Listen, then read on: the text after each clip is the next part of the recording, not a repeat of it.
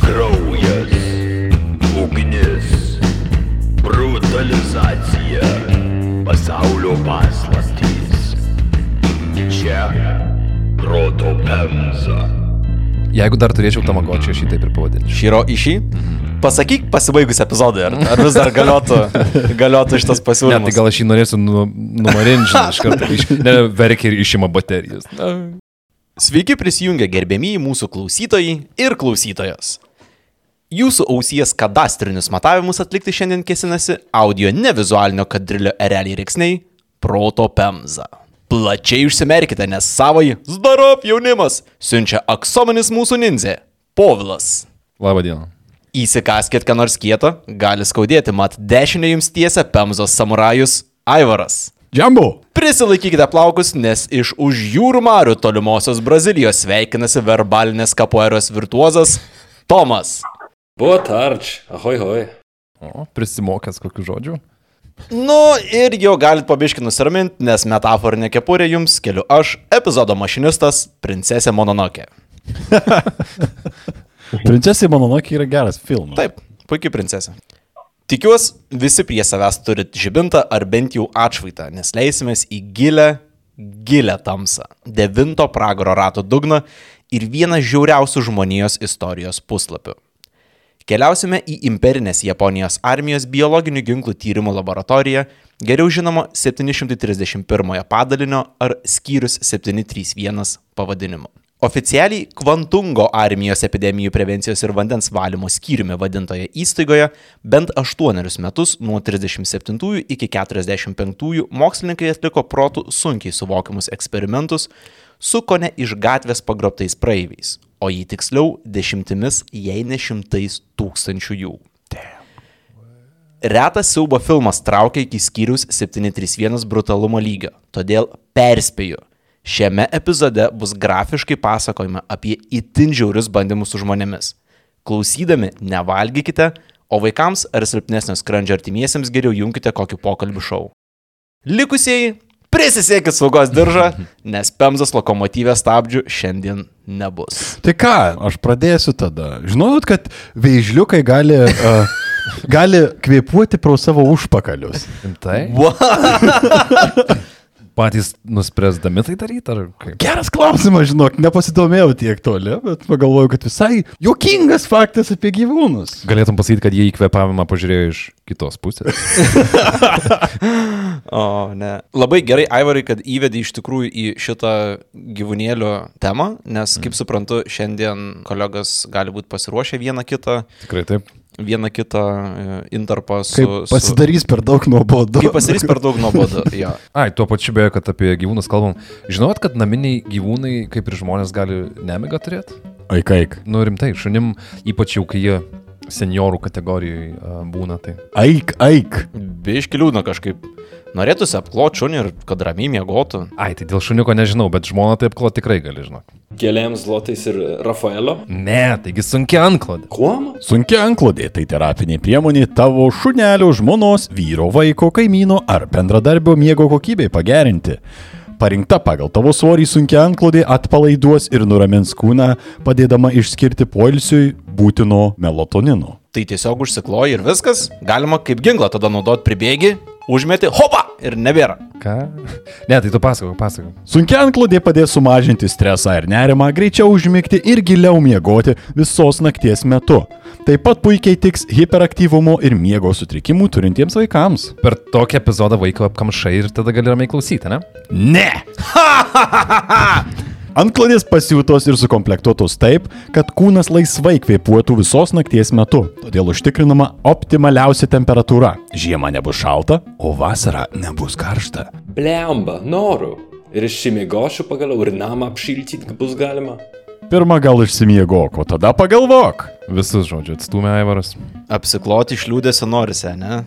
Apsiklok pigiau! Proto Pemzos klausytojai sunkia antklodę gali įsigyti net su 10 procentų nuolaida. Nuolaidos kodas Proto Pemza 10. Imu dvi! Sunkios antklodės.lt nuolaidos kodas Proto Pemza 10. Sunkios anklodės. Prieš leidžiantis peklon tariame ačiū šaltinių autoriams. Greta Tunto žiniasklaidos straipsnių laidai pasiruošti padėjo Sheldono Harrisono darbas Factories of Death – Japanese Biological Warfare and the American Cover-Up, Halo Goldo knyga Unit 731 – A Testimony ir Deriko Puo veikalas Unit 731 – The Forgotten Asian Auschwitz. Back to the show.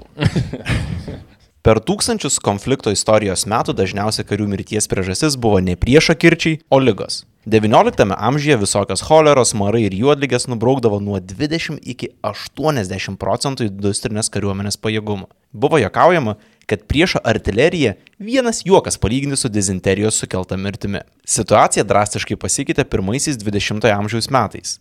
Japonijos imperija, pritaikiusi moderniausias sanitarijos ir hygienos praktikas, lygų sukeltų mirčių skaičių sumažino iki viso labo 2 procentų. Tai galite įsivaizduoti nuo 2080 iki 2 Čia procentų. kariuomenėje. Taip. O.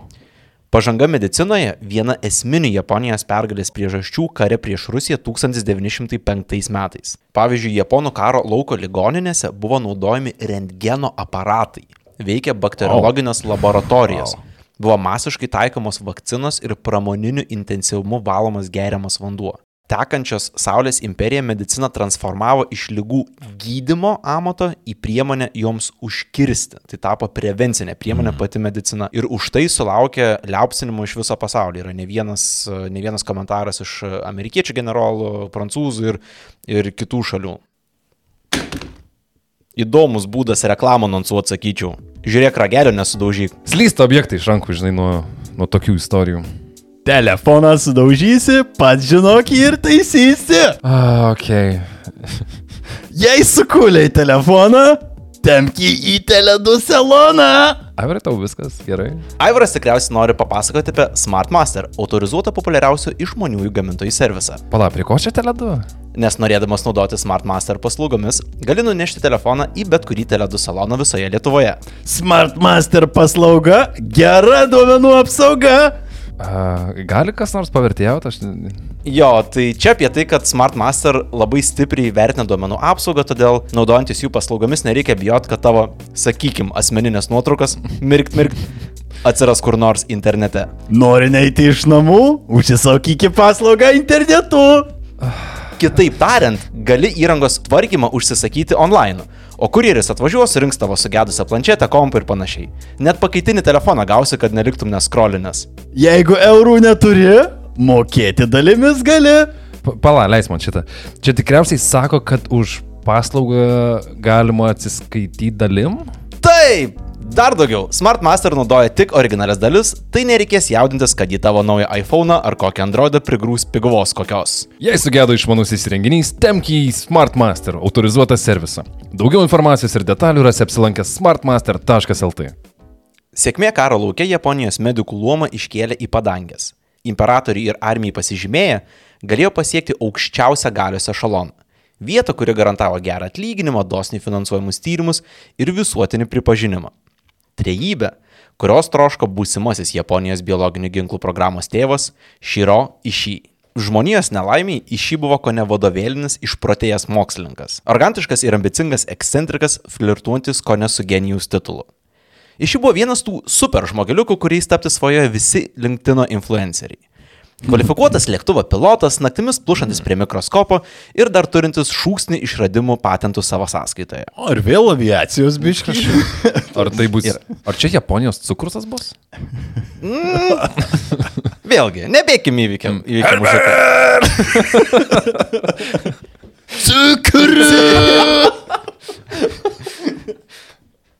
Vienas iš šį išradimų, nešiojamas vandens valymo įrenginys, jam garantavo solidų kontraktą su imperinė armija ir finansinę ramybę iki grabo lentos. Tai kitaip tariant, jis yra tas žmogus, kuris išrado būdą bet kokį vandenį gerti mūšio lūkę, kas žinia yra šiek tiek naudinga. Jis išrado Britą sau. filtrą? E, Sakykim, tikriausiai, bet Brita filtras nepadaro mm. ežero vandens geriamo vandenio, ne? O Ne. čia į tą pusę. Man reikia paskambinti mačiutį. Mačiute, jie tam melavo. Tai žmogus pakankamai iš gebėjimų pusės buvo Labai, pakankamai. labai, labai lygio. jaunas įstojo į universitetą, baigė su aukščiausiais pažymiais, apsiženė su universiteto prezidento dukra. Mhm. Jo karjera yra stellar visais įmanomais mhm. atvejais. Visi įmanomi pagirimai kariuomeniai, visur, kur naidavo, ten varydavo Pirmūnas. Pirmūnas, jo, bet pirmūnas ir alkoholizme buvo, ir pirmūnas buvo su geišom besivalkėdamas. Ta prasme, tai jis toks biškirikas Sančesas, ne? Bet dėja, pamatysim, kaip pasibaigė jam šitą, šitą istoriją. Derindamas mikrobiologo ir armijos chirurgo pareigas su ultranacionalistinėmis pažiūromis, į šį netruko įsisukti į akademinį ir karinį šalies elitą. Aukštuomenės ratuose jis susikrovė nemenką socialinio kapitalo kraitį, kurį vėliau išgrynino į laboratorijų tinklą visoje imperinės Japonijos teritorijoje. Ironiška, tačiau mintis pradėti biologinių ginklų programą iš jį kilo susipažinus su Ženevos konvencijos draudžiamų ginklų sąrašu. Bandydamas viršenybę įtikinti pradėti programą, iš jį sakė. Biologinė karyba mūšio laukia gali atverti išskirtinės galimybės. Jei tai nebūtų tiesa, tautų lyga šio ginklo naudojimo nedraustų. Žalę šviesą barbarizmo imperija Rekstė išigavo 1930-aisiais. Tam tikslui gynybos biudžeto jenomis įsteigiama armijos epidemijų ir prevencijos tyrimų laboratorija, o jai vadovauti jis pats ir paskiriamas. Kiek jam metų dabar? Jis gimė 1892, tai čia yra 38 metai. Wow. Jisai baigė univerą, pradėjo, pa- pabuvo kariuomeniai kažkiek laiko, Mančiūrį atlikinėjo vadinamą praktiką, atlikinėjo operacijas e, karo laukia ir, ir panašiai. Tada sužinojo apie biologinį ginklą ir sugalvojo, kad e, reikia pakeliauti po pasaulį. Tai jį išsiuntė dviem metam e, apkeliauti visą vakarų pasaulį, kad jis galėtų patikrinti mūsų, jeigu save vakarais laikysim, biologinio ginklo programas. Okay. Nu, aš dar turiu apie penkis metus. Visi turi! O aš dar apie penkis faktus apie gyvūnėms. Biologiniai ginklai ir bandymai su žmonėmis ganėtinai lipnus užsiemimas. Todėl veikti reikėjo tuo toliau nuo namų. Taip jau sutapo, kad 32-aisiais Japonijos imperija de facto užėmė Mančiūriją, teritoriją tarp Korejos ir Rusijos, esančią dabartinės Kinijos sudėtyje. Mhm. Iš valstybės biudžeto gavęs 200 tūkstančių Japonijos jenų arba maždaug 8 milijonus eurų dabartiniais pinigais, Normaliai, grantas mokslininkui.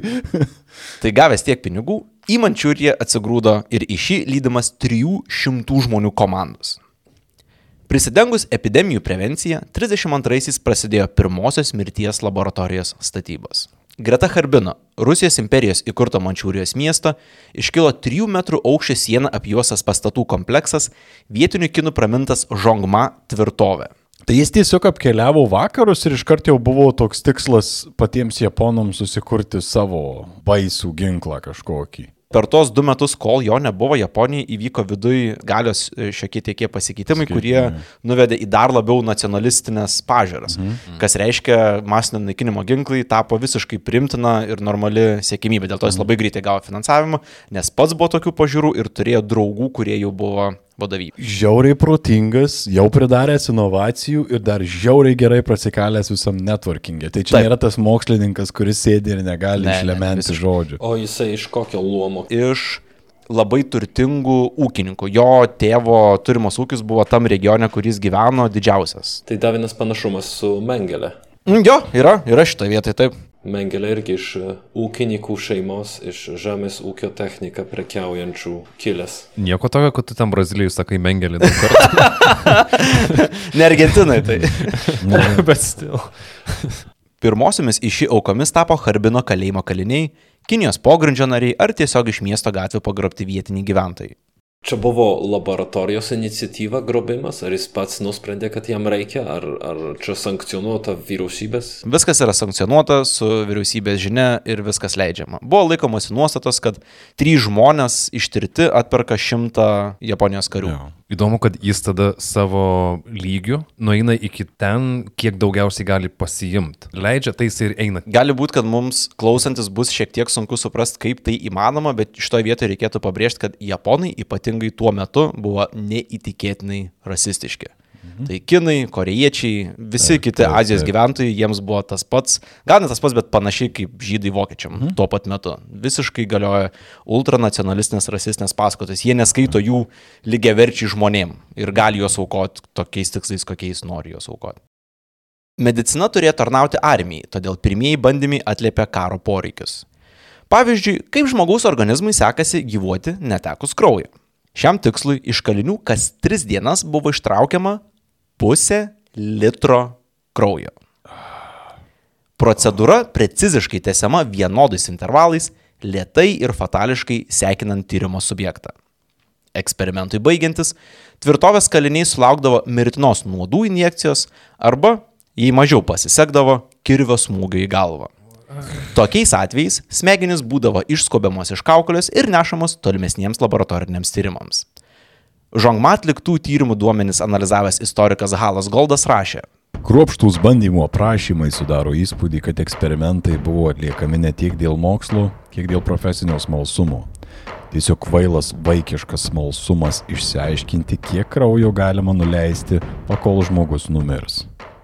Tvirtovėje atlikti bandymai tapo pavyzdžių visiems sekusiems po to. Eksperimentai atliekami koreguojant kintamuosius kaip lytis, amžius, svoris, kilmė, rūbai, baltymų kiekis kūne, kraujo grupė ir panašiai. Kiekvienas kintamasis, žinoma, reiškia vieną gyvybę. Leiskit duoti tikrą pavyzdį, ne apie tikrą eksperimentą. Bandymo metu kelios dešimtis žmonių suskirstamos į dvi grupės. Abiejoms nustojama duoti maistą. Grupiai A leidžiama gerti šulinio vandenį, o grupiai B tik distiliuotą. Taip tikrinama, kuri vandens rūšis leidžia išgyventi mhm. ilgiau. Ploto tvistas čia tas, kad nei vienai grupiai maistas taip ir nėra sugražinamas. Tiesiog laukiama, Tiesiog, kol, kol numirs. Nėra kontrolinės grupės ar kažko, tiesiog kiek maksimaliai gali, gali ištemti. Tokiu būdu į šį vedami mokslininkai tvirtovėje atliko šimtus, jei ne tūkstančius eksperimentų. Pavyzdžiui, tyrė skirtingos koncentracijos nuodingų dujų poveikį žmogaus kūnui, maro platinimo būdus ar efektyviausią būdą nužudyti pasitelkus elektros srovę. Tvirtovėje lankęsis imperinės kariuomenės leitenantas Endo Saburo užrašė savo įspūdžius. Kelių papuritimų 20 tūkstančių voltų surovę užmušti subjektui nepakako.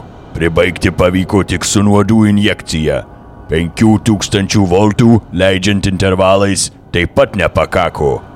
Kelios minutės nepertraukiamos srovės subjektą galiausiai mirutinai sudegino. Naktį negalėjo užmigti.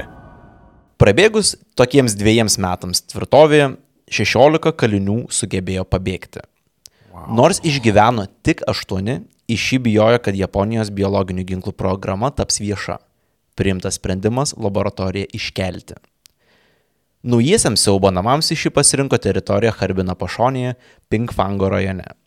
Tai laboratorija yra perkeliama jau į Japonijos teritoriją. Ne, Ne? O kur tai yra? Tai yra Mančiūrija. Mančiūrija. Mančiūrija yra. vis dar Mančiūrija? Jo, A, ir mes ir būsime Mančiūrija. Japonijos, ta, kaip ir nacijai savo kon- pagrindinės koncentracijos stovyklos turėjo ne Vokietijos teritoriją, o Lenkijoje ir, ir aplinkui, taip pat Japonai Mančiūrijai turėjo savo, savo pagrindinę vietą. Ten, Harbino pašonėje, Pinkfango rajone, iškilo 6 kvadratinių kilometrų teritorija, dydžių prilykstanti Aušvico Birkenau kompleksui. Mm. Pastatytas 150 pastatų miestelis. Wow. Pasimokęs iš praeities klaidų, visa teritorija buvo apjuosta 5 metrų aukščio siena, kas keliasdešimt metrų iškelti žvalgybiniai bokšteliai. Vergų darbo pastatyti administraciniai pastatai, laboratorijos ir barakai kaliniams. Šie, pažymėti numeriais 7 ir 8, buvo įterpti į juosiančių pastatų kiemus. Vienintelis būdas patekti į tuos barakus - pro tunelius, vedančius į laboratorijas. Todėl net ir pabėgę subjektai neturėtų net menkiausio šanso patekti į laisvę. Tu gali patekti į tą pastatą tik tuneliu, kuris eina per laboratoriją. Durų į lauką nėra, jokių. Langai visi sugrotom. Vėl labai baisiai nuskambės, bet labai tamsiai įspūdinga sistema. Tai yra sukurta. planuota, planuota. Kaip smulkiausia. Būtent. Japoniška labai. Tas, tas labiausiai ir žudo moralę, skaitant apie šitai, nes tu supranti, kad kažkas valandų valandas sėdėjo ir ieškojo efektyviausio būdo laikyti žmonės, slash bandymų žirkės, izoliuotus ir neleis niekaip jiem pabėgti iš tenai. Uždarame komplekse buvo viskas, ko reikia miestui talpinančiam 3000 žmonių personalą. Šiltnamiai maistui auginti, tvartai galvijams, gyvenamieji mokslininkų daugiabučiai, biblioteka, baseinas, elektrinė, geležinkelio stotis, pakilimo takas ir žinoma, krematoriumas. Skamba kaip visai gražus miestelis. Universiteto miestelis. Jo, toks universiteto miestelis, fainas, viską turi. Tik tai fone visą laiką, e, kaip ir Rick and Morty, kai jie rado tą planetą, kur Saulė reikia visą laiką, tai čia žmonės Jo, tiesiog reikia visą foninis rėkimas kažkoks, mm. ne? 3000 žmonių. Viso. Tai yra. Milžiniškas. Taip, milžiniškas Daug. personalas. Taip. Ir kiek kalinių? Iki 3000. Ai, tai 3 ir 3. Ar, ai, Iki, gerai. iki. Neb, nebūtinai visą laiką buvo vienu metu. Taip. Radau skirtingus skaičius tarp pusantro tūkstančio ir trijų. Čia labai įdomiai tada suveikia tas išsikėlimas, kaip ir leido išsikerot netgi visą Labai, labai, labai.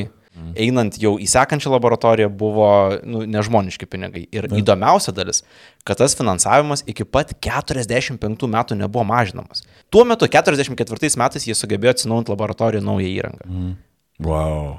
Yra neįtikėtina. Akivaizdu, kad, uh, kad rezu, rezultatų ataskaitos tenkino, Panašu. tenkino vadovybę. Kad net ten atominės bombos krito, man atrodo. Mm, Panašu irgi. Irgi. irgi. Jo. Mano apibūdintas pastatų kompleksas oficialiuose ataskaitose įvardyjamas kaip epidemijų prevencijos ir vandens valymo skyrius. Sveiki atvykę į, į šį padalinį, geriau žinoma kodiniu pavadinimu 731. Iškilmingoje atidarimo šventėje iš šį skėlė kalbą, neslėpdamas tikrųjų savo užmačių.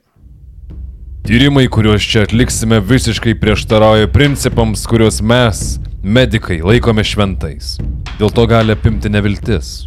Vis dėlto kviečiu jūs dirbti vaikantis dvilypio jaudulio. Būdami mokslininkais mes privalome ieškoti gamtos moksluose slypinčios tiesos ir atrasti tai, kas nežinoma. Tuo tarpu kaip kariai mes privalome sukurti karo ginklą priešui sunaikinti. Įdomu, kad tu jau esi kaip įdarbintas žmogus, jau esi partneris nusikaltime. Mhm. Ir tu ką, neturi pasirinkimo ir dirbi tenai, ar tu tiesiog uh, užsimerki prieš tai, ar kadangi tu dirbi vyriausybei, tai čia viskas yra normalu? E, Vietiniai pagalbininkai nelabai turėjo didelio pasirinkimo, juos irgi kartais pasimdavo. Bet japonai tikrai ten verčiamų nebuvo. Buvo uh, garbė dirbti su iši, nes jis buvo ne tik karys ir mokslininkas, bet ir akademikas, kuris net dirbdamas laboratorijose skrisdavo atgal į Kyoto ir Tokiją skaityti paskaitų universitetuose. Wow. Bet Busy man. Labai. Taip, bet čia jau net labai be penkių asmenybės kultas toks jau netgi, kad tu tokioj vietoj dirbi ir manai, kad tai yra garbė. Jisai puikiai suvokia, kad turi neršti visą laiką. Jis turi visą laiką, jo veidą turi toliau matyti universitetuose. Po to jis tos pačius universitetus naudojo susirinkti gabius studentus, kurie eidavo dirbti pas jį į tą pačią laboratoriją. Smalsiems Harbino gyventojams buvo suokiama, kad greta vandens valymo laboratorijos statomas medžio apdirbimo kombinatas. Dėl to šmaikštieji iš šį skyrius mokslininkai tyrimo subjektus praminė rastais arba japonų kalba maruta. Oficialiuose dokumentuose tyrimai buvo atliekami ne su žmonėmis ar subjektais, o su rastais. Rastai lentpyviai buvo tiekiami iš Harbino ir jo apylinkių. Daugiausia pasitaikydavo kinų, tačiau netrūko ir rusų, Harbino žydų bei europiečių. Pritrūkus medžiagos Japonijos esesininkai, kenpeitai, į dengtus sunkvežimus surinkdavo benamius, e, narkomanus ar nieko dėtų žmonės, vėlgi keliavusius maisto į vietinį turgų. Beje, čia irgi toks įdomus faktas, kiek netikėtai pamatytas buvo, kad Kenpeitai, tai yra tiems Japonijos esesininkams, itin aktyviai talkino kolaboracinę Rusijos fašistų partiją, mm. labai aktyviai veikusi Mančiūrijoje tuo metu. Patekusieji į išinagus buvo nužmoginami. Per aštuonerius metus neužrašytas nei vieno kalinio vardas. Aukoms ant rankos buvo ištatuiruojamas skaičius nuo 101 iki 1500. Tuo skaičiumi į Marutas ir buvo kreipiamasi iki pat mirties. Pasiekus 1500, naujam kalniui vėl buvo suteikiamas skaičius 101. Duplikatų niekada nebuvo, nes gyvenimo trukmė skyriuje 731 retai viršijo 3 savaitės. Skamba kaip Squid Games. Tai čia viską labai buvo tiksliai nuo pat pradžių suplanavę, jau statydami žinojo, kad kokias bus e, laidomas, sakykime, kokia bus talpa, kokias laidomas, kiek laiko jam gali užtrukti pereiti per visą iteraciją kalinių. Baisiausia tikriausiai to skaičiavimo dalis yra ta, kad net ir žinant ar randant palaikus su odos likučiais ar kažkuo tokiu, tu niekada negali žinoti tiksliai, kiek buvo žmonių, nes visą laiką yra iki pusantro tūkstančio ir niekada daugiau.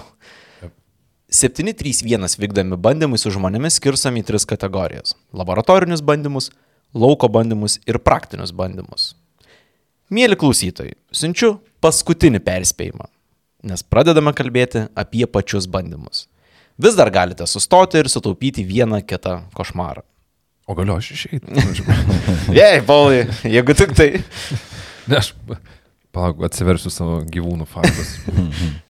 Į šį skyrių žmonės buvo tyčia užkrečiami visa paletė lygų. Maru, juodligė, timais, tuleremija, cholera, dezinterija, skarlatina, tuberkuliozė, difterija, salmoneliozė, stabligė, pasiutligė, geltonąją karšinę ir aibė kitų lygų, kuriuo aš nei žinau, nei noriu žinoti. Kokia buvo trečia?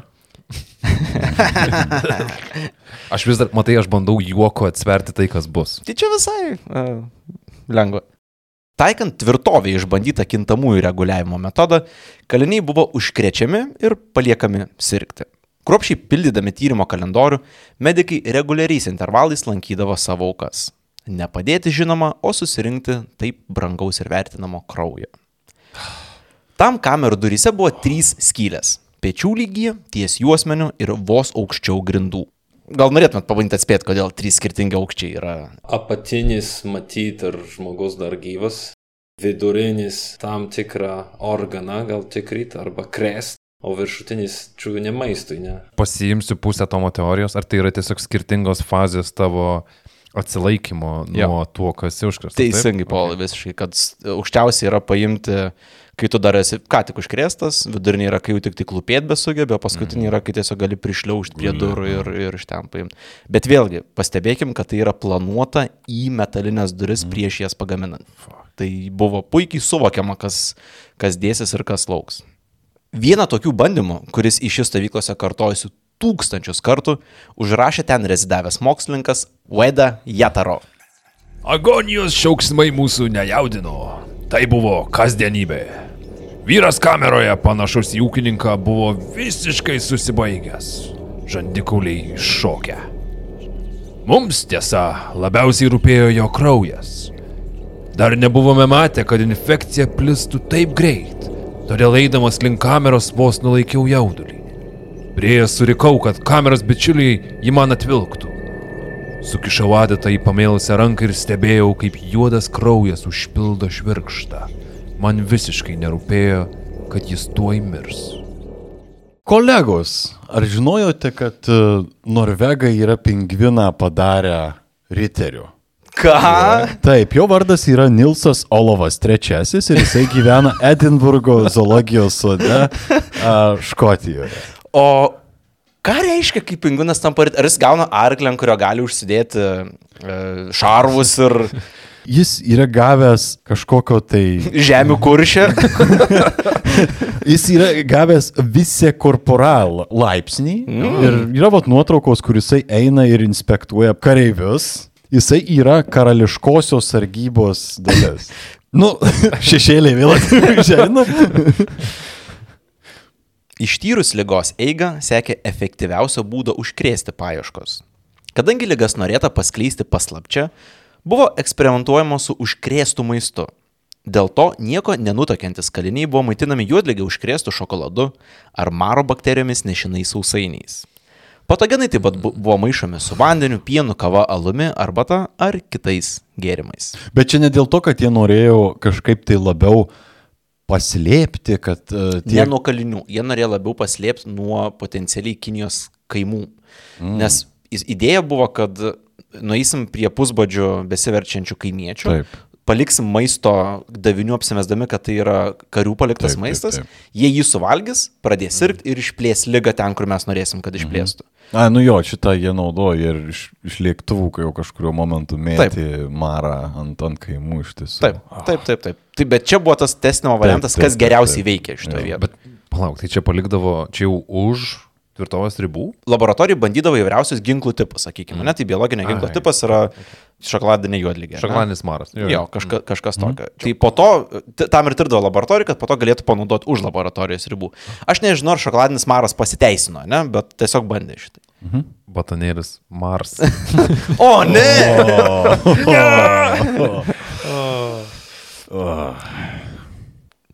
Pagrindiniai vieno šlikštesnių eksperimentų veikėjai buvo marą nešančios blusas. Vabaliukai buvo masiškai auginami kalinių pagalba. Pirmiausia, auka susargdinama maru. Po to sergantysis aprengiamas blusomis prigrūstų audeklu, kuris uždengiamas rūbais. Kaliniui surišamos rankos, kad aukos nesikasytų ir vabaliukai nieko netrukdami galėtų sirpti kraują. Po kelių dienų po tos, kiti kaliniai buvo primiktinai paraginami nurinkti išpampusius vabalus ir sudėti juos į stiklainius.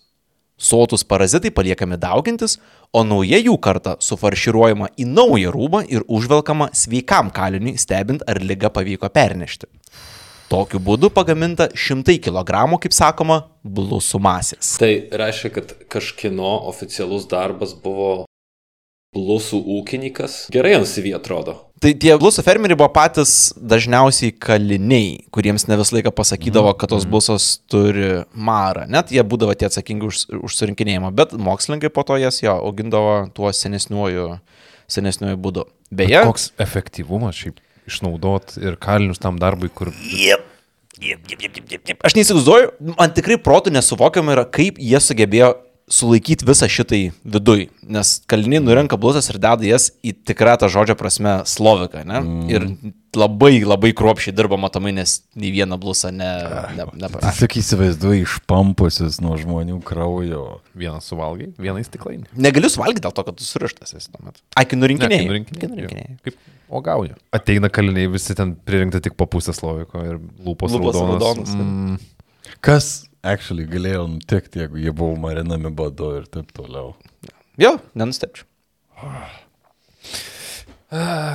Kalbant apie gyvūnėlius ir muziką, ar žinojote, kad buvo atlikta studija, kuri nustatė, kad karvės duoda daugiau pieno, kuomet uh, jos klausosi muzikos? Ar galėtumėte atspėti, kokios muzikos ar dainos besiklausant uh, jos duoda pieno daugiau? Gangsta repą.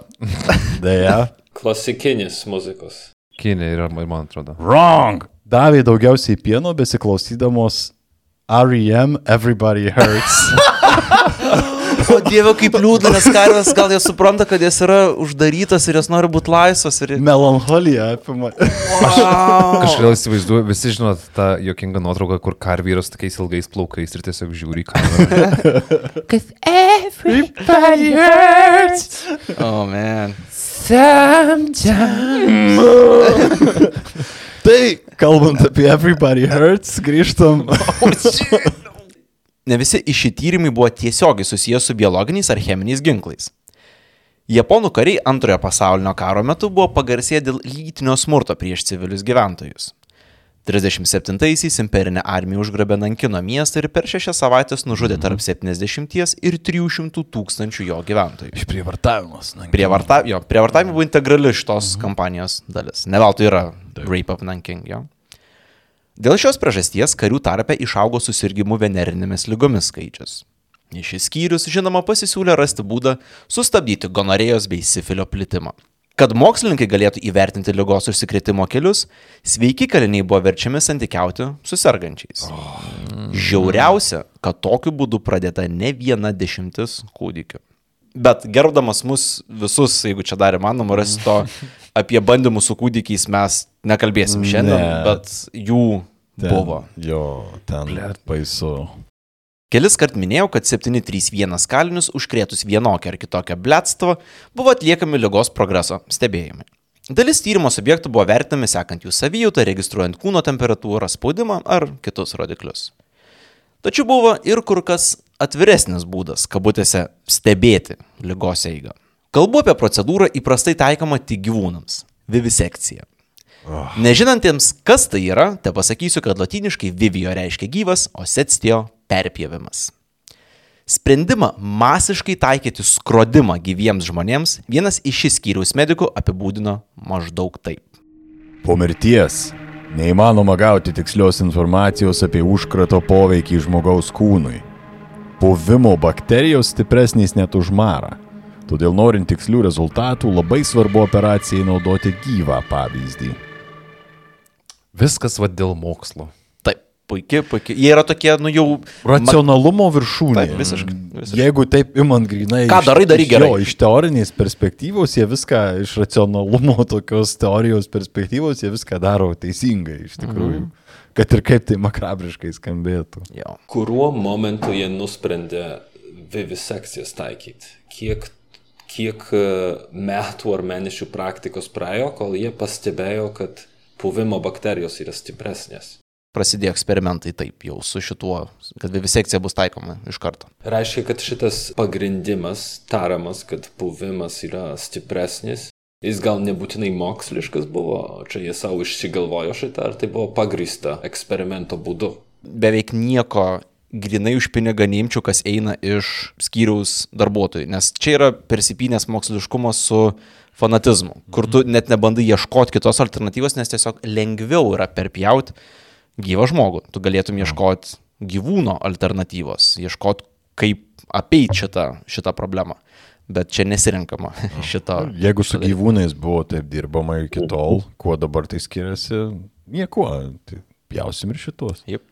Tikriausiai nujaučiate, kad vivisekcija kaliniams dažnai buvo atliekama be anestezijos. Mhm. Atveriant krūtinės lastą žmonės buvo visiškai sąmoningi. Pasak medikų, anestetikai galėjo turėti neigiamas įtakos kraujagyslėms ir kitiems organams.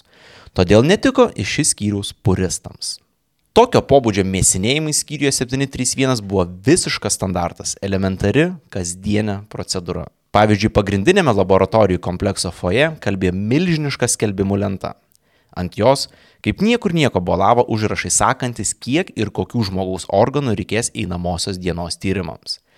Pavyzdžiui, skelbiama, kad reikės X kiekio širdžių išmartų su juodligė ar Y kiekio inkstų išmartų su gonorėja. Tokie pranešimai iš esmės buvo žiaurūs mirties nuosprendžiai pasmerktiesiems nesuteikiantis teisės ne tai, kad į vardą, bet teisės būti kažkuo daugiau nei mėsos gabalu. Susižymėjus pirkinių sąrašą, po žeminiu tuneliu buvo keliaujama į milžinišką patalpą, suskirstytą į nedidelės operacinės. Tai įsivaizduokit ekonominės klasės viešbutį, kur vietoj miegamųjų yra skrodimo kambariai. Vieną tokių operacijų atlikęs chirurgo padėjėjas dalinosi savo įspūdžiais. Jis puikiai suprato, kad laukia galas, todėl visai nesipriešino, kai nuvedėm į operacinę, paguldėm ant stalo ir pririšo. Šaukti jis pradėjo tik kai paėmiau skalpelį. Išilgai jį perpjoviau nuo krūtinės iki skrandžio. Jis klykė ne savo balsu, o veidas persikreipė iš skausmo. Jis skleidė neįsivaizduojamus garsus, riksmas buvo siaubingas. Tada jis nutilo. Chirurgams tai buvo absoliučiai įprasta, bet mane gerokai supurtė, nes tokį dalyką dariau pirmą kartą. Ar žinojot, kad bitės, kai renka nektarą iš gėlių, kartais antiek užsitranzina, kad jos užmigt gali? Jos apsineša nuo nektaro taip, kad... Nepasakyčiau, kad apsineša gal, bet tiesiog tiek yra turbūt uh, malonus veiksmas, kad jos tiesiog užmiega. Čia O, labai, kaip- labai jaukus faktas. Aha, kaip, kaip užsidėti sunkia antklodę visai, ne? Ka, ka, kaž, kažkas toks. Kaip ir įprastos operacijos metu, profesionaliai atvėrus krūtinės lastą žmogus nemiršta. Riksmus pakeičia šoko sukeltas paralyžius, o mirtis ištinka išėmus vidaus organus ar mirtinai nukraujavus. Iš šis sadistai atsimena, kad organų derlius būdavo surinkamas taip kruopščiai, jog kūnai krematoriumuose supleškėdavo it sausi rastai. Įdomu, kad šitoj vietoj nepasakoje negirdim apie tyrimus su anestezija, dalykų, kuris iš tikrųjų būtų labai labai naudingas ir reikalingas kariuomeniai mūšio laukia. Matai, Tomai, logika ir yra tame, kad mūšio laukia tikėtina anestezijos negalės atlikti. Taip. Čia šitoj vietoj yra eksperimentai, kai dažniausiai yra užkrėsas žmogus kokią nors lygą ir norma maksimaliai gerai išsilaikiusi audinį gauti, kad tu galėtum pamatyti po trijų dienų, kaip atrodė žmogus, po keturių dienų, po šešių dienų ir, ir panašiai. Ir anot jų, jų manimų, tyriausią rezultatą gausi iš gyvo žmogaus be anestezijos. Mhm. Nes jis yra toks, kok- koks jis yra neužterštas jokiam kitom priemonėm. Ta žiūrioji dalis, kad jie buvo labai gerai maitinami tuo metu, tai, nu, tave peni, mhm. šeria ir prižiūri tavo fizinę, fizinę sveikatą, tave susardina ir išsiema tavo kepenis. Kol tu matai, kaip tau tai daro. Taip. Skyrių 731 jaunimo korpuso mokinys, dalyvavęs gyvų žmonių skrodimuose, atsiminė. Man priskyrė būti pagalbiniu per skrodimus. Turėjau tampyti kibirus su krauju, pernešti vidaus organus iš vienos laboratorijos į kitą. Kartą net leido paimti skalpelį ir pačiam perpjauti marutą. Perpjoviau nuo kaklo žemyn ir be problemų atvėriau kūną. Visiškai paprasta, bet kas galėtų. Kas buvo jaunimo korpusas? Jaunimo korpusas buvo mokiniai nuo 16 metų, kurie turėjo ambicijos būti medikais ar medicinos mokslininkais ir keliaudavo į šį skyrių atlikti praktiką. Aš labai to neakcentavau daug, bet kai mes kalbam apie šitą skyrių, jis yra paslaptis išoriniam pasauliui, medicinos pasauliui. Tai, na, paslaptim vadinti būtų ganėtinai sudėtinga. Jau vien dėl to, kad iš šį, kaip minėjau, viso karo metu skrisdavo atgal į universitetus ir ten rodydavo video su eksperimentais, skaidrės wow. su eksperimentais. Tai, na, buvo visiškai mhm. įprasta dalis. Kadangi iš šį turėjo labai gerą statusą, patekti į tą, na, dirbti šalia jo kažkur su jo medikais reiškia potencialiai gerą karjerą. Mhm. Tai panešiosi kraujo kiburus kažkiek laiko, organus panešiosi, pats prapjausi ir tada grįši į universitetą ir jau galėsi sakyti, kad štai aš jau iš įskyriui buvęs, turiu gerą savo, leiskit man su žmonėm dirbti. Medikai žinoma savęs neriboja vien tyrimais apie ligas. Siekiant ištirti priešo kariuomenės ginklų poveikį, kaliniai būdavo peršaunami, o skradimas atliekamas tiesiog vietoje. Jaunieji medikai į skyrių 731 buvo siunčiami elementariai praktikai, todėl į šį įkaitį atliko paprasčiausių operacijos manekenų funkciją. Smalsus mokslininkai žinoma leisdavosi ir į su mokslu nieko bendro neturinčius eksperimentus. No way. Nelaimingiesiems rankos būdavo amputuojamos tik tam, kad dešinė prisiūtų kairės vietoje, o kairė dešinės. Bet čia Mengelė did it before it was cool. Galvos būdavo kertamos tam, kad ištirti ar atskirtos nuo kūno jos vis dar gyvybingos. Uh, prancūzai su giliotina apie šitą net knygų yra parašę. Žmonėms buvo perpilamas gyvulių kraujas ar į inkstus leidžiamas gyvulių šlapimas. Gerai, apie šitą nieko nežinau. Atliekamos jūros vandens injekcijos ir įgyvendinami visi kiti tamsiausi košmaro scenarijai. Ar žinojot, kad buvo atliktas tyrimas ir čia, kas turi šunelius, gal bus labai vėlgi aktualu, kad šunys turi individualius pomėgius muzikos ir muzikos mm. stilių. A ne? Taip. Okay. Ir vienas tyrimas parodė, aišku, nežinau iš kur čia šitą statistiką visą, kad mėgstamiausias šunų muzikos stilius yra regis. Oi, kaip bandysiu rūkui pajungti šitą visą, visą dalyką. Šiaip, Make sense. Jo, žinau. taip, yra. Taip.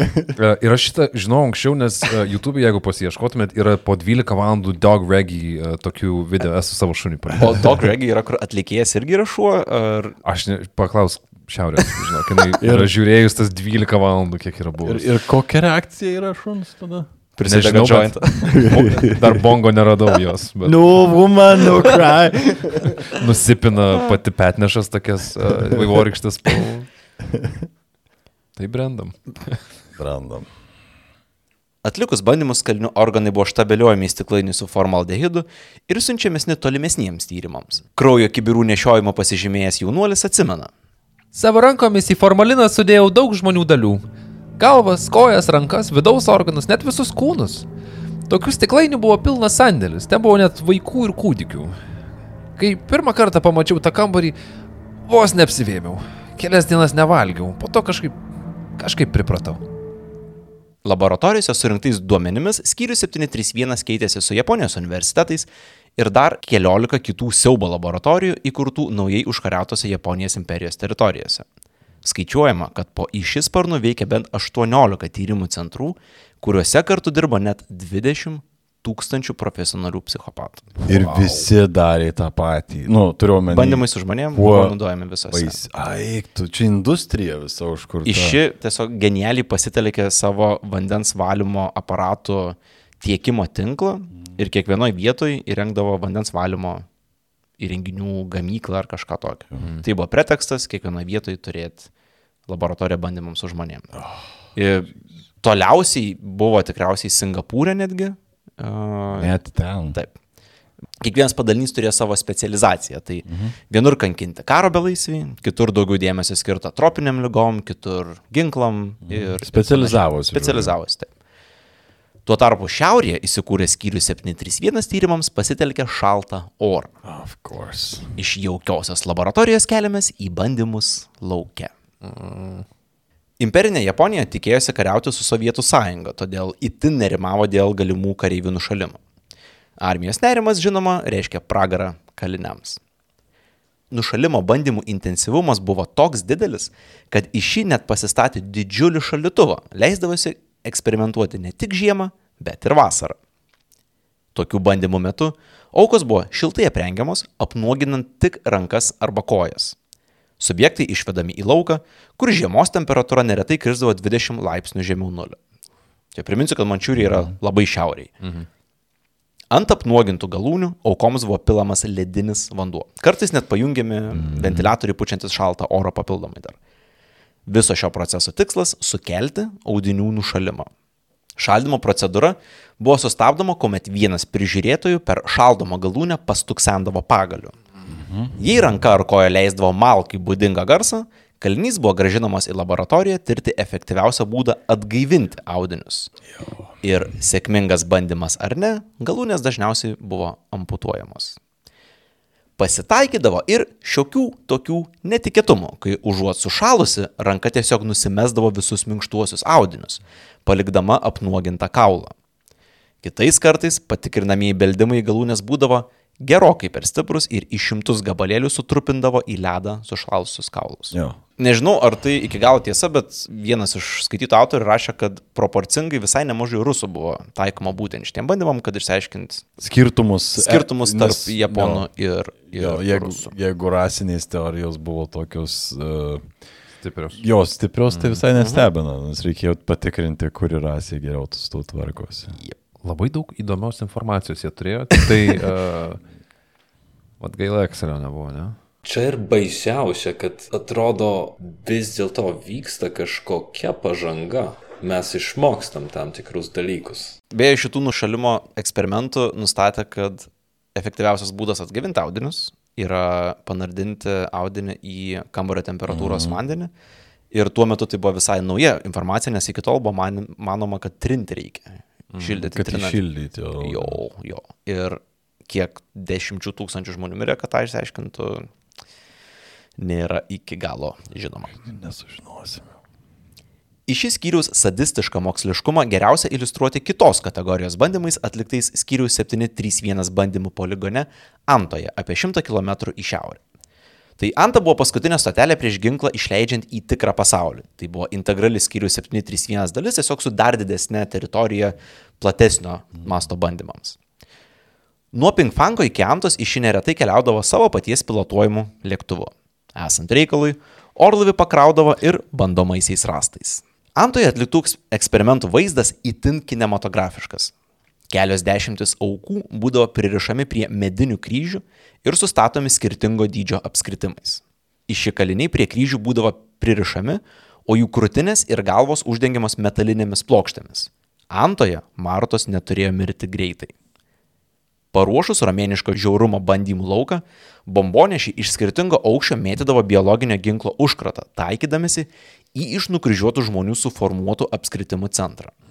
Užtas įsprogdavo 100-200 metrų aukštyje paskleisdami maro, juodligas ar kitų lygų sukėlėjus apskritimo teritorijoje. Tai įsivaizduokit ant balto popieriaus lapo nupieštą apskritimą ir virš jo papurškit kvepalų. Ne? Tik apskritimas nukryžiuoti žmonės, o kvepalai maru užkrėsus blusas ar kokią nors kitą blėtstovą. Tokia eksperimento forma leido nustatyti bombos efektyvumą priklausomai nuo jos paleidimo trajektorijos, o naudojant skirtingo dydžio apskritimus buvo vertinama, kiek sėkmingai užkratas veikia didelėje teritorijoje. O kas atsitiko teoriniai matematikai, pavyzdžiui? Kodėl reikėjo tai bandyti iš karto? Nu, daug, Amen. daug nekontroliuojamų aspektų, vėjas, Jo. s- oro sąlygos, taip toliau ir panašiai. Nu, matematika šito Taip pat ir talpa, kurioje yra įdėta bomba, nes tarkim nustatė tokiu bandymu metu, kad e, blusų negali dėti į metalinius, metalinės talpas, nes jos būna per daug pridususios nuo sprogimo, dėl to pradėjo taikyti porcelianinės, kas buvo efektyvesnis wow. būdas ir jo, dėl to, dėl to povalai reikėjo panašu. Vėl labai Moksliška. taip Moksliška, negali prisikabinti prieš tai. Galėjau ir neklausti. įdomu. Nu, kodėl uždengdavo plokštėmis veidus ir... Kad ir skeveldros sprogimo metu nepažeistų e, gyvy... Audinių, e, gyvybinių organų, kad neužmuštų tiesiog. A, okay. Kad jie liktų gyvi. Tai ten rankas, jeigu sudraskys ar kažką tokio, nieko Tai tokio, čia nesvarbu. Pala, kiek turėjo Kol- užtrukti, kol šitą išmoko. Jo, tikriausiai irgi ne iš pirmo, ne iš pirmo bandymo. Tai realiai saugojo torsą ir galvą. Taip. Saugodavo šituos ir rankas palgio dėl to, kad blusas dar turėtų kur kasti, Jo. jeigu reikėtų, kad būtų atvirų, jo, jo. atvirų vietų, bet skeveldros nenužudytų tų žmonių ten. Patikrinus biologinius ginklus laboratorijose ir išbandžius atvirame lauke, laukia praktiniai testai nekontroliuojamo aplinkoje. Imperinė armija tokius bandymus atlikinėti pradėjo nuo 37-ųjų ir tęsė iki pat kapitulacijos. Pradžia tiesa buvo kukli, pasirinkta lyga, bandant užkrėsti nedidelę gyvenvietę. Išplatinus užkartą eksperimento teritorijoje, japonai pasirodavo prisidengę lygų prevenciją. Mhm. Ir tuo pat metu išbandydavo naujus skiepus ir įmanomus būdus kovoti su ta lyga, kurią ką tik užleido patys ant tam tikros teritorijos. Sulik bėgančiais metais bandymų mastas auga. Skaičiuojama, kad praktiniai bandymai su skyriuje 731 sukurtais ginklais nusinešė nuo 200 iki 500 tūkstančių gyvybių. Daugiausia Kinijoje. Ir čia kalbam ne apie mirtis laboratorijai, o apie mirtis už, Už už jos laboratorijos ribų. Ir tai japonai padarė su iš esmės nebaigtais biologiniais ginklais, kurie vis dar teoriškai buvo bandymų stadijoje. Daroma prielaida, kad iki efektyvaus masinio naikinimo biologinio ginklo japonams trūko dviejų metų. Į šį pragaro laboratorijos galą žymėjo karo pabaiga. 45 rūpiučio 9 Nagasakė susprogdinta antroji atominė bomba, tą pačią dieną sovietai paskelbė karą Japonijai ir pradeda verstis gilyn į Mančiūriją. Rūpiučio 14 dieną, likus kelioms valandoms iki oficialios Japonijos kapitulacijos, skyrius 731 gauna Tokijo vadovybės įsakymą sunaikinti visą laboratorijų kompleksą. Visi iki vieno kaliniai bei vietiniai pagalbininkai nužudomi, o tyrimo medžiaga ir pavyzdžiai masiškai vežami namo į Japoniją. Karą išgyvenęs skyrių 731 darbuotojas pasakoja, kad likus kelioms valandoms iki detonacijos visos patalpos buvo visiškai ištuštintos, paliekant, kaip jis sakė, tik dažus ir marutų krūjų ištepliotos žinutės ant kameros sienų. Kiek tiksliai žmonių mirė skyriuje 731 nėra žinoma. Pats konservatyviausias aukų skaičius siekia 3000, didžiausias 300 tūkstančių. Edukuotai spėčiau, kad iš šį skyrių nužudyta gerokai daugiau nei 10 tūkstančių mm. žmonių.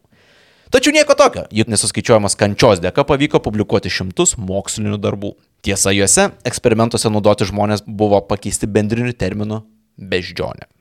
Kas buvo dead giveaway, nes kai būdavo tyrimai su beždžionėm, buvo nurodoma konkreti beždžionės Rūšis, jo. O tuo atveju būdavo tiesiog beždžionė ir visi tarpusavį žino, ką tai reiškia, bet negali rašyti žmogus. Tai Čia Japonijoje pačioj, ar čia buvo vakaruose šitaip irgi priimta, kai tie straipsniai išeidinėjo? Čia Japonija, jie e, savo, Savo, medicinos praktikai naudojo terminą Terminą beždžionė. beždžionė, Ir okei. Mokslininkai, kurie nedalyvavo tiesiogiai tose tyrimuose, kalbėjo irgi apie tai, kad jie su, suprasdavo, kas tai yra. Ne visi tikrai palaikė šitą dalyką, bet visi žinojo, Tai iš faktas, jo. kur, iš kur kyla, kyla šita informacija.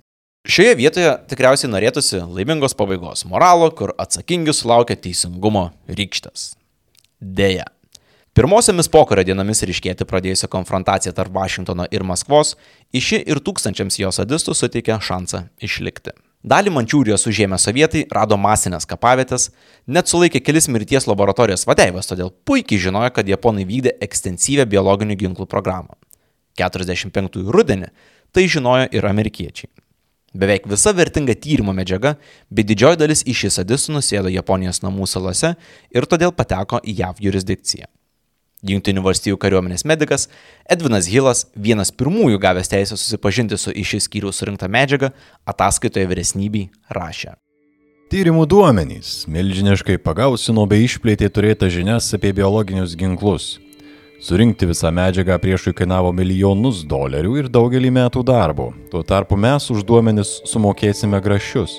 Dar daugiau, savo laboratorijose tokios informacijos išgauti net negalėtume dėl bandymų su žmonėmis gaubančių skrupulų. Niekas nebūtų daręs, bet ačiū, kad padarėt. Jo, visiškai. Jo vertinimu tai buvo labai vertingi duomenys, kurių jie nebūtų galėję pakartoti. Ir ta išvada, kad jiem porą metų trūko iki biologinio ginklo ir yra amerikiečių mm. išvada, kad jie buvo labai arti, labai arti to, kad galėtų pasiekti. Vėl dar vienas įrodymas, kaip mokslinis mąstymas gali nueiti per toli. Visiškai. Nes čia iš to originalioj citatui irgi labai sunku išvelgti atjautos. Mhm. Svarbiausia yra, kad yra duomenų ir Taip. yra ką interpretuoti. Tas e, susijaudinimas dėl tų duomenų šiek tiek netrykšta iš, Jo. iš, to, iš, to, iš to žmogaus. Išsiaiškinęs, kiek toli iš jį buvo pažengęs vystant biologinį ginklą, Japonijai de facto vadovavęs amerikiečių generolas Douglas MacArthuras nusprendė iš šį ir visiems skyriaus nariams suteikti amnestiją. Mainais Japonai amerikiečiams pažadėjo perduoti visą bandymų su žmonėmis metu surinktą medžiagą ir nei sakiniu nesidalinti su nei vienos kitos valstybės atstovais. Dėl to Tokijo karo nusikaltimų tribunale apie skyrių 731 kalbama nebuvo. Žinoma. Nei vienas sadistas atpildo už savo darbus nesulaukė. Habarovsko karo nusikaltimų tribunale sovietai nuteisė 12 asmenų siejamų su iš šį skyriumi. Du mirė kalėjime, o visi likę mirus Stalinui sėkmingai grįžo į Japoniją. Na, o tūkstančiai iš šį nužudytų žmonių pavyzdžių iškeliavo į Fort Dietrichą Junktinėse valstijose. Kita laboratorija, kurioje nuo 43 iki 69 veikia Junktinių valstijų biologinių ginklų tyrimo centras. Tai ten, aš nežinau, ar vis dar dabar yra, bet buvo žmonių pavyzdžiai. Ar mokslininkus ir e, tyrimų rezultatus sušišlavė tik tai amerikonai? Taip. Niekas kitas. Ne. Tai, tai ir būtent buvo pagrindinė priežastis duoti amnestiją tam, kad nereikėtų kelti šito klausimo tribunolė, nes jeigu būtų keliamas klausimas, visa informacija turėtų būti pateikiama kaip įrodymai ir tada ta informacija tampa prieinama visiems. Tai amerikiečiai priėmė sprendimą, kad ta informacija yra per daug pavojinga, kad galėtų atsidurti sovietų rankose, Bet sovietai irgi kažkiek prisigaudė. bet nepakankamai, kad sukurt, jie okay. gavo, jie turėjo 12 žmonių, mhm. bet beveik jokios vertingos tyrimų informacijos, okay. iš kurios gali sukaut bendrą vaizdą, kaip sukurti efektyvų ginklą. Jo, nes, kaip žinom, iš praeitų epizodų apie, apie juodligės protrukį, pradžia kiek startino. Jo. surinkti duomenės iš čia, bet ne tiek, kad jie galėtų pasigaminti dabar. Mhm. O tai, kas buvo pas amerikiečius, buvo pakankamai informacijos, kad tu už metų dviejų gali turėti efektyvų marą, ne, ar kažką, kažką tokio. Tai detalumo, informacijos detalumo Taip. klausimas. Taip. Karui pasibaigus, iš šį skyrių šulai kaip niekur nieko tęsė akademinę karjerą. Pavyzdžiui, trys aukšto rango skyrių 731 medikai - Roichi Naito, Hideo Futagi ir Masadži Kitano - įkūrė Japonijos žalįjį kryžių, vieną didžiausių pokario farmacijos įmonių, dabar priklausančių Mitsubishi konglomeratui. Kitano buvo antras įtakingiausias skyriaus medikas. Teko skaityti ganėtinai per ilgą buvusių skyrių 731 mokslininkų sąrašą po karą užėmusių prestižinės vietas Japonijos mokslinių tyrimų laboratorijose, ligoninėse ir universitetuose. Iš esmės, jie tapo šalies pokario medicinos elitu. Kai kurie jų tyrimų darbuose nesibodėjo remtis neviekšliškai užmaskuotais iš šį skyrių atliktais eksperimentais. Nušalimų eksperimentų grupės vadovo Hisato Yoshimura mokslinių darbų galite rasti net internete. Į šį taip pat nesulaukė jokio teisingumo. Nors aukštų pozicijų universitetuose ir ligonėse negavo, toliau dirbo gydytoju. Mm. Sulaukęs 67-59 metais vienos žiauriausių praėjusio amžiaus institucijų įkūrėjas mirė nuo gerklų vėžio. Buvusio boso laidotuvėse pagarbos išreikšti atėjo ne vienas buvęs skyrių 731 darbuotojas, o laidotuvės organizavo ir apmokėjo Žaliojo kryžiaus įkūrėjas Masadži Kitana. Negana to, iš jų dukra pasakoja, kad prieš mirtį tėvas dar ir spėjo atsiversti katalikybę. Prieš mirtį tėvas paprašė, kad jį pakrikštytų kunigas Hermanas Hüveris, buvęs Sofijos universiteto Tokijuje vadovas. Mano tėvas labai gerbė vokiečius ir jų kultūrą. Jis tapo Romos kataliku ir pasirinko Juozapo vardą. A, Man atrodo, kad nuo krikšto jam kažkaip palengvėjo. O koks sutapimas krikšto vardas su istoriniais veikėjais. Aha. Ir pagarba vokiečių kultūrai kažkaip Mhm. netikėtai čia visai atsirado šitoj, šitoj vietoj. Skyrių 731 egzistavimas Japonijoje buvo tabu ko ne 50 metų nuo karo pabaigos. Vakarų sąmonėje aukos vaidmenį įgavusiai valstybei, ganėtinai sunku prisiminti savo rankomis įrašius vienus juodžiausių žmonijos istorijos puslapių. Žiaurus prisiminimai dienos švieson pradėjo lysti 8 ir 9 dešimtmečiuose, kuomet JAV tyrėjai išslaptintose bylose aptiko amerikiečių ir japonų padarytus susitarimus. Nors Vašingtono pragmatizmas sadistams leido gyventi, pabaigai norėčiau, kad nepamirštume, kad visą šitą tragediją leido Japonijos rasistinis nacionalizmas, pagarintas nežaboto moksliškumo prieskoniais. Nepamirškime to. Nes kaip senatvėje sakė vienas iš šis skyriaus darbuotojų, visada yra tikimybė, kad tai pasikartos. Nes kare privalai laimėti. Ojojoj. Taigi. Sunku, ką, ką ir pridėti šitą vietą. Galiu pasakyti, kad mes čia prakrapštėm taip stipriai patį, patį paviršių, kiek įmanoma dar. Net žiaurumo, organizavimo, Tokijo centrinės valdžios įsitraukimo prasme, imperatoriaus potencialaus įsitraukimo prasme ir, ir amerikiečių suteiktos amnestijos prasme, pavyzdžiui, kad buvo mokėtos kompensacijos finansinės, kas po kurių buvo kosminiai pinigai karo nusipto Japonijai ir visa kita, visas kitas arealas dalykų, kurie į epizodą, na, po du sakinius ne, ne, nesusideda. Bet sunku įsivaizduoti šitą tragediją, aš kažkaip kaip pradėjau skaityti, iš pradžio atrodė visai įdomu, nes labai, nu, tamsi ta istorija, mhm. bet kuo kažkaip giliau eini, tuo ta kančios naštas spaudžia ir spaudžia. Man, ir spaudžia. man tas pats, e, ta pati emocija iš tikrųjų buvo, kai aš pirmą kartą išgirdau apie šitą istoriją. Ačiū Viliau, kad sudėliojai taip iš tikrųjų, nes čia jo. Čia turbūt buvo galima tiesiog padaryti smurto pornografijos tokį potpurį ir, ir juo ir jo važiuoti ir, ir kalbėti tik tai apie tai, kaip, na, nu, buvo pjaunami žmonės ir visai kitaip. Netrūksta medžiagos. Jo, jo. Tai, tu, man atrodo, paryškini, kaip visgi svarbu yra turėti tam tikrus etinius principus, moralinius principus šalia mokslo. Nes jeigu taip žiūrėti grinai iš tokios ar neracionalaus mąstymo perspektyvos, taip kietai racionalaus mąstymo perspektyvos, japonai su šitais dalykais viską darė teisingai. Laikėsi tyrimo normų. Taip, taip tyrimo modelio, taip, eksperimentai taip, švariai atliekami. Visiškai. Viskas buvo puikiai suorganizuota, iki mažiausios detalės apgalvota, viskas netgi buvo suskaičiuota. Jie neturėjo tą paskaičiavimą. Trys žmonės mirė mm. šiaip, išgelbėjo šimtą karių ir taip mm. toliau ir panašiai. Tai va ši čia turbūt yra ta tokia didžioji uh, tragedija ir kartais galbūt pamirštamas dalykas, kuomet yra ar ne pilnai šokama į, į mokslą, kaip tą tokią visišką, na, panacėją, mhm. į kurią, kurią reikia visada pasitikėti ir niekada nekvestionuoti. Tai man atrodo, kad šita istorija vat, parodo tą mokslinio mąstymo, sakyčiau, nu, tokia, tokį zenitą, ne, kai tu visiškai paleidi, leidi daryti, nes atrodo, kad iš šį buvo tas ir leista daryti, mhm. jis buvo matomas visiškai. kaip mokslininkas, kuriuo yra pasitikima, jis deliverino rezultatus ir niekam jo nereikėjo valdyti. Tai man atrodo taip ir šitą vat, būtent reikia turbūt atsiminti, kad visada yra, na, moraliniai dalykai, etiniai dalykai, kurie turi reikia šalia. Reikia stabdžių, nes vieną dieną galima atsibus pasaulį, kur kas nors sakys, kad yra sprendimas globaliniam atšilimui, mm, nes taip. ar dirbtinis intelektas pasakė, kad jeigu mes susprogdinsim vieną kontinentą ir mm. nužudysim 30 procentų žmonių ir spręsim visas savo problemas. Taip, taip. taip. Ir tą klai laikysimės šitą. Nes tai bus racionalu, tai, taip. tai, tai turbūt net neš tam tikrą, galbūt laikiną, tačiau rezultatą, kurio mes norim. Dėl to dabartiniam kontekste žiūrint, man labai patiko naujienos vakar ar šiandien netgi skaičiau, kad a, Junktinėse valstijose regulia, nu, reguliuojančiosios institucijos atmetė Elono Musko kompanijos siūlymą testuoti mikročipus žmonių galvose, mhm. jau žmonių galvose, nebe žionių galvose.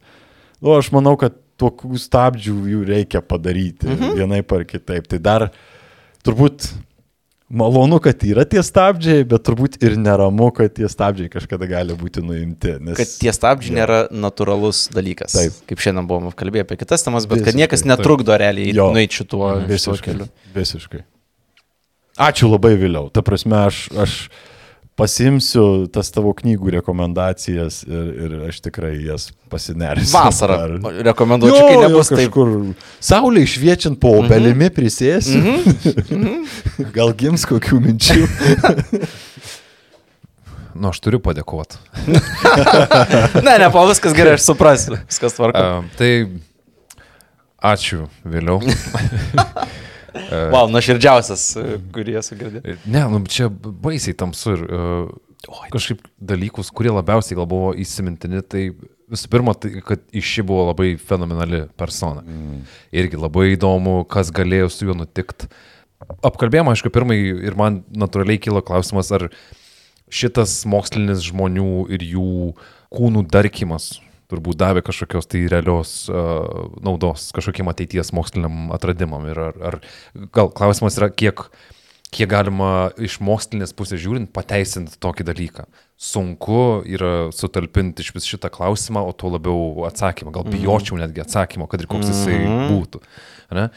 Bet uh, kas glumina mane labiausiai, tai tų tyrimų ir infrastruktūros tiem tyrimam preciziškumas ir to darbo, tarkim, etikos trafareto tikslumas e, ir kaip jisai uždėtas ant baisiausių priemonių ir baisiausių tikslų, kaip Aivras ir sakė, kad viskas buvo daryta labai tiksliai, labai šiaip, nu, gražiai, gal netgi galima būtų pasakyti.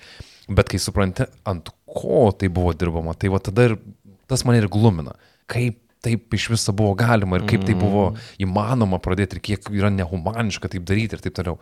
Ir tada atsisuki tą kitą pusę, kur e, amerikiečiai padėkoja, kad nu, mes tai niekada nebūtume darę. Ir visas likas pasaulis, turbūt, kiek mes žinom, kol kas. ane? Bet mes pasiimsim. Jo, bet kad jau yra. Bet, however, ir toks, kaip ir visus popierius pasiimi savo. Tai šita dėmė, aš manau, smarkiai ištatuiruota ant, ant Japonijos istorijos veido, bet pats gal baisiausias, kur gali kažkiek tai susitapatinti su istorija dalykas, tai kaip, kaip buvo žmonių vienkartiškumo a, savokos toks įvedimas, kad asmuo yra statistinis vienetas, kad skaičiai neturi vardų. Taip. Ir šitas jo. dalykas tais tūkstančiais man labai uh, nubloškė į... Uh, nupučia tolyn, kaip mhm. sako. Ir net nėra būdo atsekti tų Taip, žmonių. Jie, lik, taip. jie taip ir liko numeriais. E, Tu bent su, ar ne su holokaustu, vėl čia nu, tas lyginimas, nežinau, jis, jis beprasmis aišku yra, bet nu, tu gali atsekti asmenybės, šeimas, visą kitą. Ten žmonės mirė, ne, Taip. ne skaičiai. Jo, Taip. jo, o čia buvo dar ir padaromas darbas, atimant iš žmogaus tą jo savastį. Mm. Ir tas yra, nu vėl, kur nueina maksimalus racionalumas, ar ne? Taip. Nes tam irgi yra priežastis, nu, kad jie tai darė, ne, nepaliko vardų žmonėms. To, nėra to vakarietiško, kas aš, o yra tas japoniškas, kiek voltų tau reikės, kad tu... Žinau, kad nei pakartoji. 20 tūkstančių, nei 5 tūkstančių nėra pakankamai. Sėdžiu aš savo šitoj karštoj šaly, ale klausant ėjo šurpas. Visai man nebuvo karšta.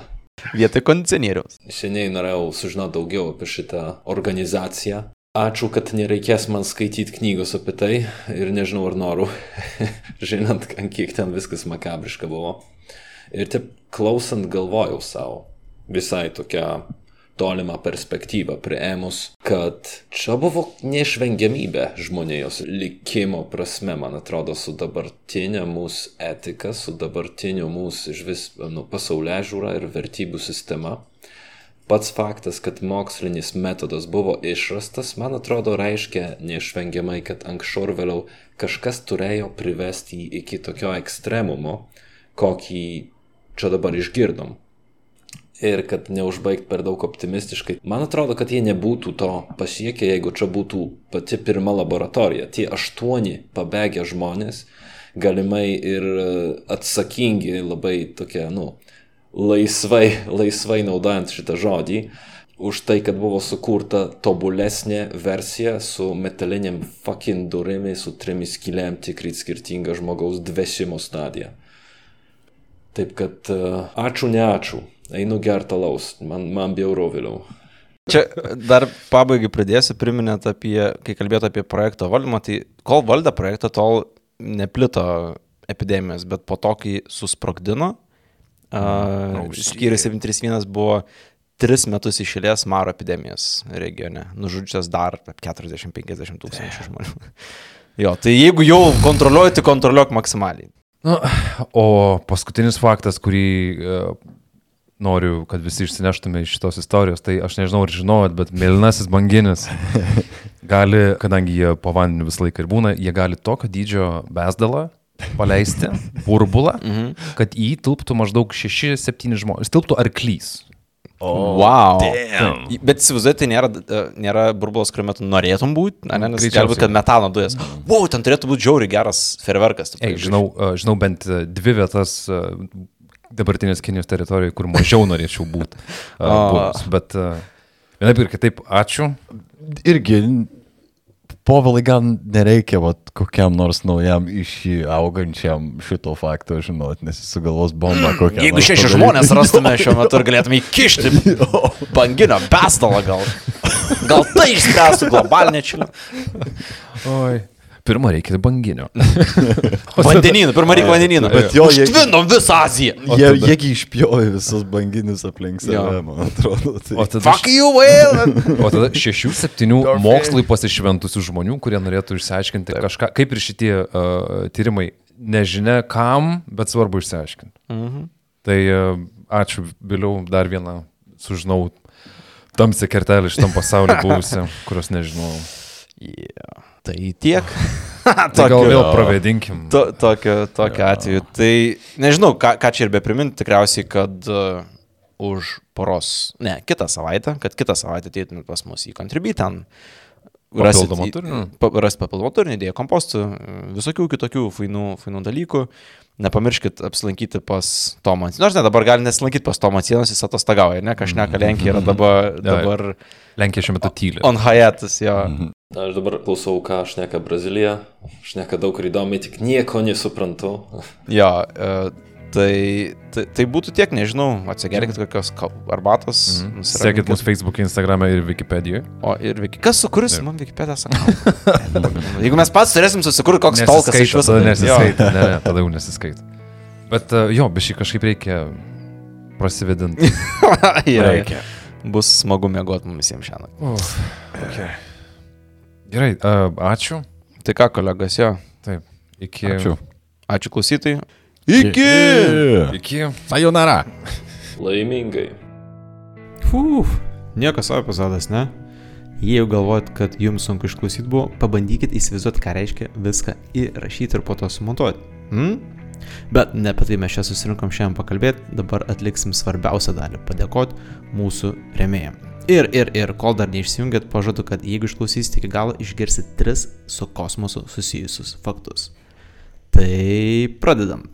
Viso proto Pemzos kolektyvo vardu širdingiausiai dėkojam Vytautui, Juliui, Tomui, Renatai, Irmantui, Albinui, Urtei, Jėvai, Ernestai, Doviliai, Augustai, Sandrai, Ingai, Simui, Gabijai, Aušrai, Jurgitai, Giedriui, Ebreideriui, Aušriniai, Agnietiai, Antai, Mariui, Gabrieliai, Nerijui, Lincijai, Giedriui, Egliai, Robertai, Ernestui, Monikai, Gabrieliai, Volter, Eugenijui, Astai, Semui, Mantui, Mindaugui, Denui, Simonui, Rimantui, Rūtai, Andriui, Vaidui, Persivaliui, Mildeliai, Linai, Brigitai, Arnoldui, Marijai, Nastiušai, Arvidui, Gretai, Sauliui, Arūnui, Edvinui, Indrei, Dianai, Rokui, Akviliai, Rasai, Gretai, Ufonautui, Žygimantui, Jolitai, Vygai, Gretai, Giedriai, Erikai, Rūtai, Tomui, Antanui, Gabrieliui, Benui, Rolandui, Tadui, Rokui, Justinui, Domantui, Aurimui, dar vienam Aurimui, Jovitai, Eirimiai, Ainui, Dominykui, Mikui, Artūrui, Evelinai, Mantvidui, Kūgimūgiui, Gediminui, Gintariai, Dominikai, Simui, Egliai, Justinai, Kunigundai, Vetskūnaitai, Auritai. Na ir laikas pirmam kosmoso faktui.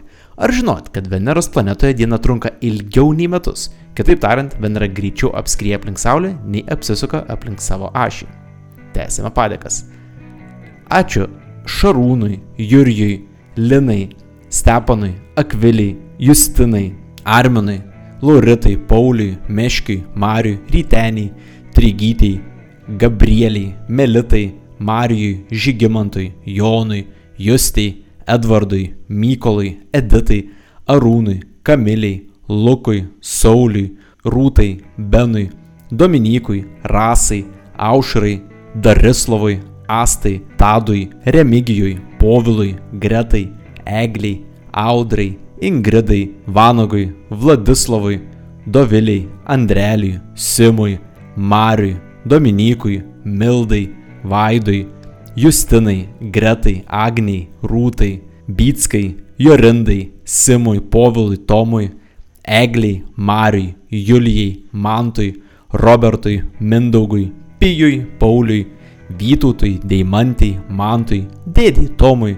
Alvitai, Emantui, Viliui, Skirmantai, Monikai, Aušriniai, Kristinai, Ungurių valdovui, Arnui, Aidai, Medeinai, Egliai, Ritai, Gintai, Doviliai, Mantui, Inesai, Gaudentui, Agniai, Mykolui, Dianai, Dariui, Linui, Vaidui, Akviliai, Raimondui, Inai, Aiščiui, Gailiai, Monikai, Mirandai, Justinai, Jėvai, Agniai, Dariui, Linui, Dievui Agurkui, Laimonui, Petrui, Liudui, Redai, Pauliui, Raimondui, Povilui, Solveigai, Kristai, Vytautui, Justai, Almantui, Migliai, Indriai, Karolinai, Audriui, Kamiliai, Robertui, Marijui, dar vienam Robertui, Vaidotui, Tomui, Geruliai, Irmantui, Aretai, Silvijai. Na, laikas antram faktui. Saulė yra 400 kartų toliau nuo Žemės nei Mėnulis, bet taip jau sutapo, kad Mėnulis yra lygiai 400 kartų mažesnis nei Saulė. Dėl to abu dangaus objektai danguje atrodo vienodo dydžio. Kol kas mokslininkai nerado nei vienos kitos planetos, kur šis santykis atsikartotų ir potencialus planetos gyventojai galėtų patirti pilną vertę Saulės užtemimą. Taip padėkojame Rokui, Agniai, Jovitai, Jakui, Martynui, Simonui, Kestui, Daliai, Tumeniai, Gustiai, Linai, Aistai, Arnui, Vilitai, Rimantai, Rasai, Deimai, Donatui, Gabrieliai, Rekui, Neringai, Kornelijui, Ignui, Doviliai, Aušriniai, Simonui, Rimai, Vikai, Antropikui, Lukui, Reinoldui, Jėvai, Matui, Gretai, Mr. Mindaugui, Eimantui, Astai, Ugniai, Audriniui, Paulinai, Rūtai, Juditai, Tėvo Vamzdžiui, Evelinai, Daugelieniai, Dariui, Viliui, Ignui, Ernestui, Juliui, Kristinai, Gerdai, Pauliui, Egliai, Justinai, Gridai, Andriui, Kristinai, Mindaugui, Lagaminui, Agniai, Indrei, Maiklui Skotui, Viktorijai, Aistei, Vytautui, Sandrai,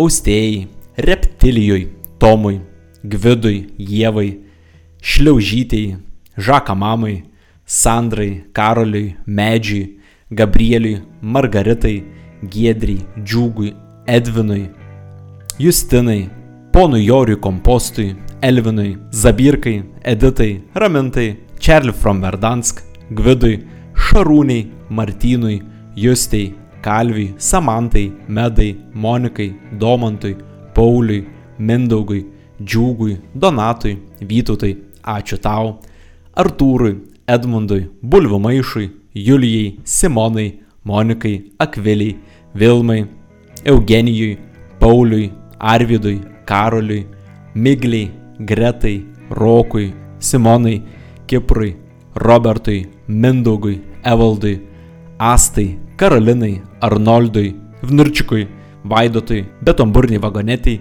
Jogiliai, Tadui, Rimai, Donatui, Miglė, Povilui, Markui, Linai, Ugniui, Mildai, Agnijai, Renatai, Mantui, Gretai, Brigitai, Barškalui, Gerdai, Laurynui, Rapalui, Jėvai, Viktorijai, Beatričiai, Ingridai, Vaidui, Nikštukų fabrikėliui, Neringai, Evaldui, Arūniai, Donatui, Tomui, Birutei, kitai Birutei, Viktorijai, Eimantui, Deimantai, Vytautui, kitai Deimantai, Laimonui, Giedriui, Dariui, Mariui, Benediktai, Mantui, Kristinai, Doviliai, Įdomai JV, Hulinariai, Justinai, Sigitai, Pemetrai, Biezdoriui, Duonacui, Liniui, Adriui, Dainorai, Ritai, Julijai, Duke Silver, Artūrui, Erikui, Rasai, Mariui, Eglė 3, Erikui, Giedriui, Mantui,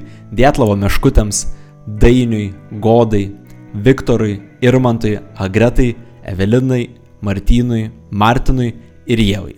Na ir pabaigai, paskutinis faktas apie kosmosą Tai jeigu Saulės sistemos masę sumažintume iki Cezario salotų porcijos, visa mūsų planeta svertų lygiai, lygiai tiek pat, kiek pusė sezamo sėklos. Tai su šitą informaciją jūs šį vakarą paliksiu ir iki kitų kartų.